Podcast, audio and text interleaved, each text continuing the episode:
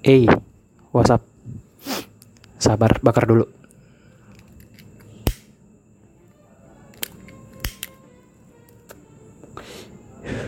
Ya, balik lagi sama Taufik di sini yang bakal ngebawa podcast sebabut alias sebatang cabut. Oke, jadi unik nih. Tadi aku kan sempet nonton-nontonin YouTube dan aku ngeliat video-video rekomendasi dari yang sebenarnya udah upload setahun lalu nih tentang ospek. Mungkin karena tepat setahun lalu di bulan-bulan Juli kayak gini emang lagi masa-masa ospek atau paling nggak masa-masa transisi anak SMA ke kuliah. Jadi ini sesuai sama yang kusinggung dikit tadi, aku hari ini langsung terbesit pengen ngebahas tipis-tipis lah tentang ospek.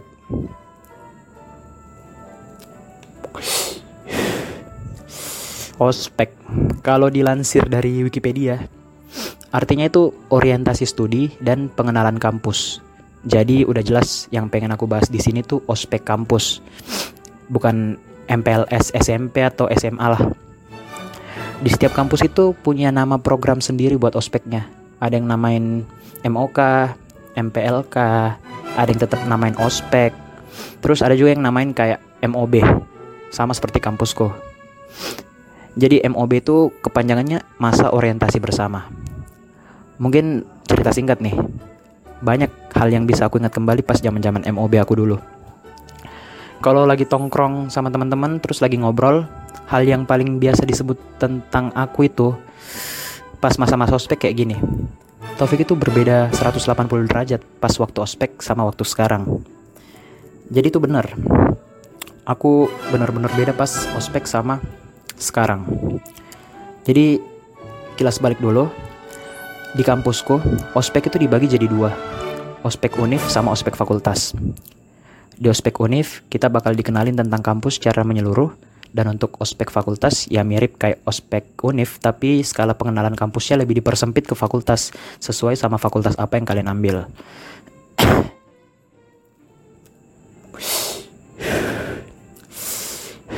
Jadi singkat cerita aja. Aku pas ospek bisa dibilang maba yang benar-benar pendiam atau pemalu. Aku itu terlihat jarang buka pembicaraan. Aku itu tertawa seadanya. Pokoknya banyak diamnya lah. Tapi pas selepas ospek, pas mulai masuk ke dunia perkuliahan, aku jadi orang yang benar-benar berbeda. Pas kuliah, aku nih makin hyperaktif, cerewet, dan gak jarang bikin riuh suasana. Karena emang aku basicnya kayak pengacau. Basicnya aku emang cerewet. Terus gak di kampus doang. Kejadian yang sama itu terjadi pas aku di SMP dan SM, SMK.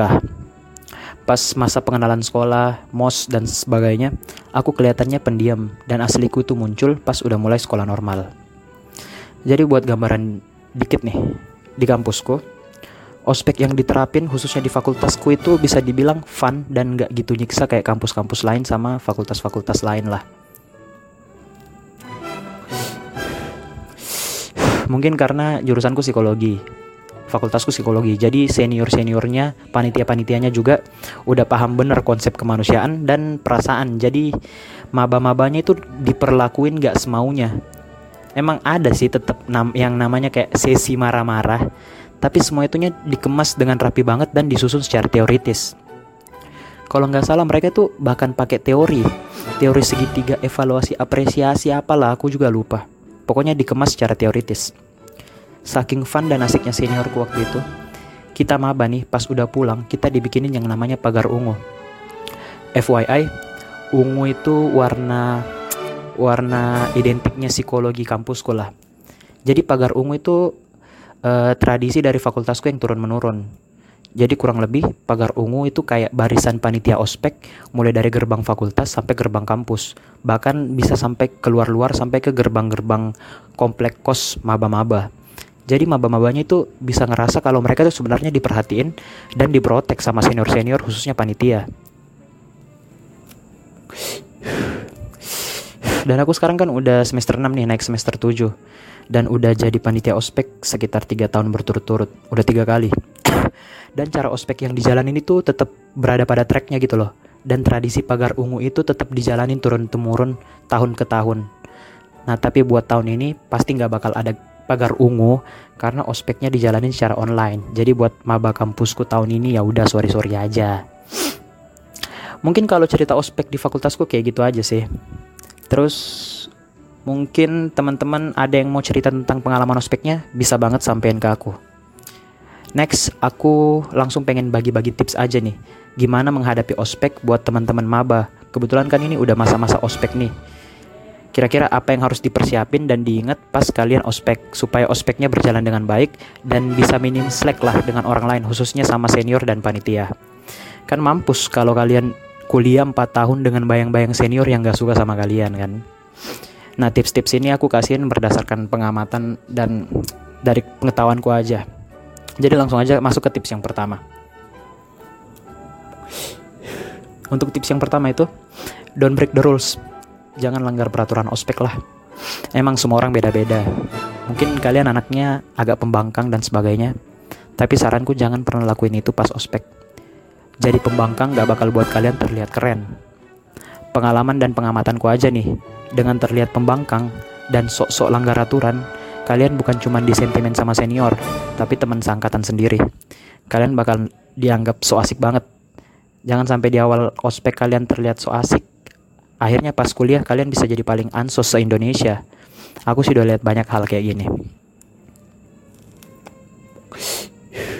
Kedua, Gak usah sok baik sama senior.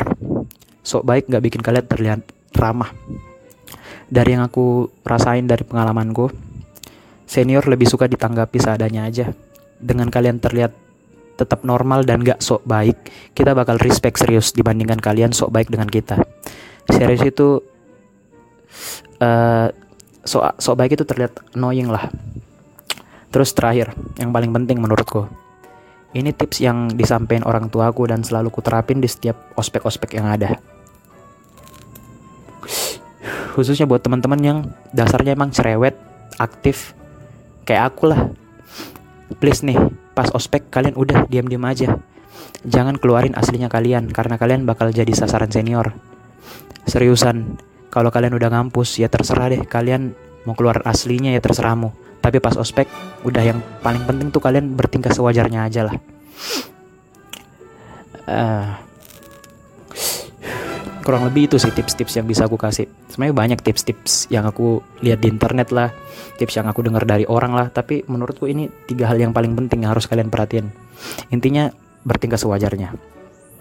Mungkin itu sih tips-tips singkat dari aku. Nggak bisa kasih banyak-banyak karena nanti kesannya juga sok paham dan sok asik malahan. Terus kalau mau tanya-tanya bisa langsung tanya aja ke aku. Mungkin kali ini aku cuma bisa bahas segitu dulu. Uh, semoga ini bisa menghibur kalian dan kalau ada sesuatu yang bisa kalian petik, ya itu buat aku bakal buat aku bakal senang banget. Kebetulan rokokku juga udah mau habis. Untuk ke depannya, aku bakal record lagi ketika ada terbesit suatu pembahasan. Terus kalau kalian semua pengen rekomendasiin pembahasan apa yang enak dibicarain apa yang menarik kira-kira diangkat bisa kasih tahu ke aku siapa tahu cocok juga di aku kurang lebih itu sih. Sekian dan cabut